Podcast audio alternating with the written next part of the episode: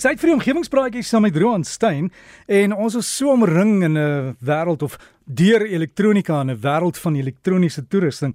En lyk my daar's klomp eh, mense wat heel uh hypersensitief is, maar ook ander dinge. Ek het nou nie al die inligting nie. Roan Stein van Noordwes Universiteit is die meester. Hallo Roan. Goeiemôre Derek, hoe gaan dit met jou op hierdie Saterdagoggend? Dit gaan goed. Jy weet die seisoen hier by ons is dit darm koeler as in ander dele van die van die land. So sterkte as dit baie warm is. En ek sit ja, juis hier. Ek weet nie wat met jou ook so goed gaan hier met die elektronika nie. Ons praat elektronies. Ek is hier omring deur elektronika. Maar daar's probleme, né? Inde, inderdaad, ja, goeiemôre luisteraars. Ehm um, vanoggend gesels ons oor 'n oor ek dink 'n baie interessante tema en ek dink dit is ehm um, dit dit is goed dat ons 'n bietjie daaroor praat en dit is wat soos Derek nou gesê het, dit staan bekend as ehm um, hipersensitiwiteit vir elektromagnetiese golwe of energie oftewel bestraling um, in ons omgewing. En uh, ons het al voorheen gesels oor die verskillende bronne van elektromagnetiese bestraling um, in ons omgewing en en soos ons afhanklikheid aan tegnologie groter word elke jaar, is daar ook natuurlik 'n toename in die hoeveelheid elektromagnetiese bestralingsbronne in ons omgewing. En dan is dit ook dan nou so dat hierdie elektromagnetiese golwe wat eintlik maar net 'n beskrywing is van die energie, um, 'n impak het, um, oftewel 'n invloed het op lewe en dit is natuurlik nou mense, plante en diere. Nou daar is 'n toestand wat bekend staan as IHS en dit is um, en dit staan vir elektromagnetiese hipersensitiwiteit en um, dit is 'n selfgediagnoseerde toestand waar mense beweer hulle word baie sterk beïnvloed deur elektromagnetiese golwe.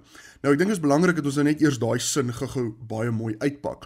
Die die rede waarom daar gepraat word van selfgediagnoseerde pasiënte is omdat daar nie tans 'n uh, diagnose gemaak kan word om amptelik te verklaar dat iemand aan hierdie toestand ly nie. Dis is daar nie enige toetse, weet bloedtoetse of enige ander toetse wat deur 'n mediese dokter gedoen kan word um, en daarna gebaseer op die uitslae van die toetse 'n uitspraak kan lewer aangaande elektromagnetiese hipersensitiwiteit nie. Ehm um, nou daar is 'n hele wye spektrum van simptome en dit sluit dan nou baie algemene goed in soos moegheid en konsentrasieprobleme, lighooftigheid. Mense rapporteer ook dat hulle naar word, dat hulle hartklopings kry. Ehm um, en dan rapporteer mense ook eh, dermatologiese simptome. En uh, hierdie mense gaan soek dan hulp by mediese dokters vir hierdie toestand en dan word die simptome behandel. Maar ek dink daar is heelwat meer wat uitgepak moet word en verduidelik moet word wanneer dit by elektromagnetiese hipersensitiwiteit kom um, as gevolg van die elektromagnetiese bestralingsbronne in ons omgewing. So ek dink eerstens kan ons na ons kan na drie dinge kyk. Eerstens kom ons kyk na watter tipe bronne kan ons verwag in ons omgewing en dan tweedens wat is elektromagnetiese bestraling werklik en dan derdens kan ons eintlik die groot vraag probeer beantwoord, is dit gevaarlik? So eerstens die die mees algemene bronne van elektromagnetiese energie in ons omgewing is maar meestal kommunikasietegnologie. Uh byvoorbeeld radio en TV uitsaai antennes, uh selfoontorings in ons omgewing, radartorings uh naby lughawens gewoonlik en dan um, selfs die anti-bots tegnologie wat in meeste nuwe motors geïnstalleer is. Uh by die huis kyk 'n mens maar meestal deesdae na um Wi-Fi routeerders of routers soos mense in Engels sê en dan so aan en dan ander bronne in ons omgewing sluit ook dan 'n hoë spanningskraglyne in um van ons kragnetwerk en uh, onderwaterkabels wat maar gewoonlik uh, vir ons internet bring. En uh, natuurlik is daar baie meer bronne, eintlik maar basies enigiets wat met elektrisiteit werk. Uh, maar hierdie is nou die belangrikste wat ons nou uh, na kan kyk. Nou tweedens, wat is elektromagnetiese bestraling? En eintlik is dit baie eenvoudig, maar is ook nie eintlik so eenvoudig nie. Daar is baie mense uh wat baie studies daaroor doen. Dit is 'n groot veld, veld in fisika, maar in fisika as ons dit nou in een sin moet opsom, Ehm um, weet ons dat die elektromagnetiese bestraling word veroorsaak deur die verandering in elektriese en magnetiese velde ehm um, wat in 'n vakuum, skus, teen die spoed van lig kan beweeg en uh, dra dan nou ook elektromagnetiese energie saam en dit is dan nou juis hierdie energie wat oorgedra word aan mense, diere en plante. En dis natuurlik energie wat ons nou moet moet kyk of dit gevaarlik is. So hierdie bestraling kan gewoonlik of nie gewoonlik nie, dit word dan nou geïdentifiseer uh, deur uh, deur sy energie en frekwensie of dan nou golflengte. Uh byvoorbeeld as 'n mens dit doen het met 'n baie hoë frekwensie, dan is die golflengtes baie kort en die energie is baie hoog. En aan die ander kant kan mense ook dan nou met lae frekwensies of lang golflengtes te doen hê. Um en die spektrum sluit radiogolwe in en dit hang natuurlik af wat se frekwensie na gekyk word. Uh is dit FM of AM radio, selfoon tegnologie en dan kry mense natuurlik nou die baie hoë energiebestraling soos X-strale en gamma-strale. Nou um Nou kan ons vra is die bestraling gevaarlik? En dis 'n baie belangrike vraag om te antwoord en reg te verstaan want 'n mens kan ook vra of water gevaarlik is. Dit uh, klink dalk miskien vreemd, maar hang maar net. En ehm um, die die antwoord is natuurlik dat uh water is nie gevaarlik nie, maar dit hang af wat jy daarmee gaan doen. Ehm um, ons kan nie water giftig verklaar omdat ons weet as jy 1000 liter water drink in een dag, dan weet ons natuurlik jy gaan iets oorkom nie, maar dis nie genoeg om water as giftig te verklaar nie. Net so as jy water drink, is jy baie beter af as wat jy water deur jou neus probeer opneem. So net so moet ons verstaan in watter omstandighede is elektromagnetiese bestraling veilig en wanneer is dit wel gevaarlik. Nou elektromagnetiese bestraling is die sterkste reg by die bron en dan neem die intensiteit af um, met uh, 1 op r kwadraat. R natuurlik nou die afstand wat jy wegbeweeg van die bron af.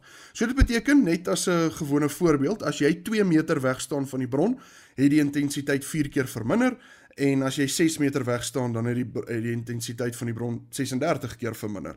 En net so 'n kantlyn feit, direk uh, luisteraars, hierdie hierdie 1 op r kwadraat sien ons baie in die natuur. As jy as jy weer kyk dan pop daar 'n 1 op r kwadraat faktor uit die wiskunde uit en dit werk so met magneetvelde en gravitasie en vele meer dinge wat ons in die natuur sien. So weer eens, is elektromagnetiese bestraling gevaarlik? En die antwoord is dit hang af. Dit hang af van uh hoe ver jy van die bron is, wat is die oorspronklike intensiteit van die bestraling en vir hoe lank word jy blootgestel aan hierdie bestraling? Um en daar is gewoonlik baie groot borde en tekens wat mense weghou om direk by die bron uit te kom, juis as gevolg van die bestralingsrisiko. Maar omdat die intensiteit dramaties afneem hoe verder jy weg van die bron af beweeg, verlaag die risiko soos wat jy wegbeweeg. As 'n mens byvoorbeeld na 'n selfoontoring kyk, die intensiteit sal die sterkste wees reg by die toring, maar sal dan afneem soos wat jy wegbeweeg en dit neem daarom dramaties af soos wat jy wegbeweeg. En dan moet mens ook natuurlik in die, na die antenna struktuur in ag neem, um, want meeste torings um, saai nie in 'n of meeste torings saai wel in 'n baie spesifieke rigting uit. Ek dink 'n ander voorbeeld wat 'n mens kan gebruik is um, hierdie infrarooi ligte wat uh, mense gebruik vir spierpyn. Um dat as jy teen die vel is, dan voel mense energie oordrag, maar die oomblik as hy 5 cm weg is, dan voel mense nou nie meer die energie oordrag nie. Maar om terug te kom na die um elektromagnetiese hypersensitiwiteit. Um dit is 'n baie interessante verskynsel deur die uh, luisteraars want mediese wetenskaplikes is werklik stom geslaan wat hierdie toestand aanbetref.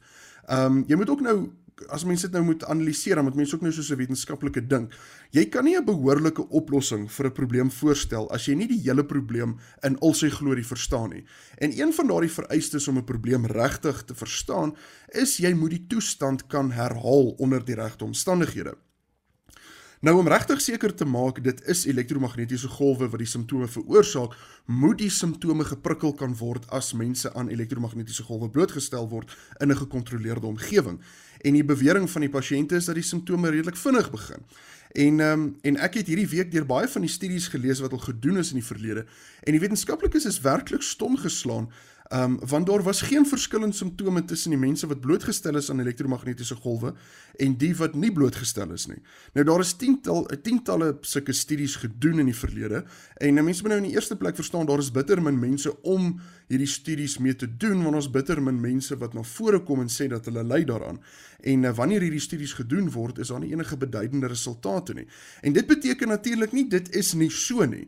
Dit beteken net dat dit is nie so eenvoudig soos dat dit is net elektromagnetiese golwe wat hierdie simptome veroorsaak nie. Dit beteken dat hier is iets meer aan die gang as wat 'n mens dalk besef en dit is hoekom dit so belangrik is dat daar verder na hierdie toestand gekyk moet word sodat dit nie onnodiglik um en amper ek wil amper sê disrespekvol uh uh toegeskryf word aan aan aan psigosomatiese um toestande ensovoorts nie want wat wat opgeskryf word in hierdie verslae nie.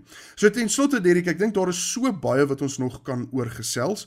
Ehm um, maar juis as gevolg daarvoor daaroor uh, daar uh, juis as gevolg daaraan gaan ons volgende week verder daaroor gesels en uh, spesifiek oor 5G tegnologie. Ons gaan weer oor 5G tegnologie praat om te kyk hoe dit vlieg beïnvloed. Ehm um, spesifiek die vlug van Hommelby en hoe dit die vlug tussen Kaapstad en Johannesburg beïnvloed. So ek sê vir jou baie dankie Derek en dan praat ons weer volgende week.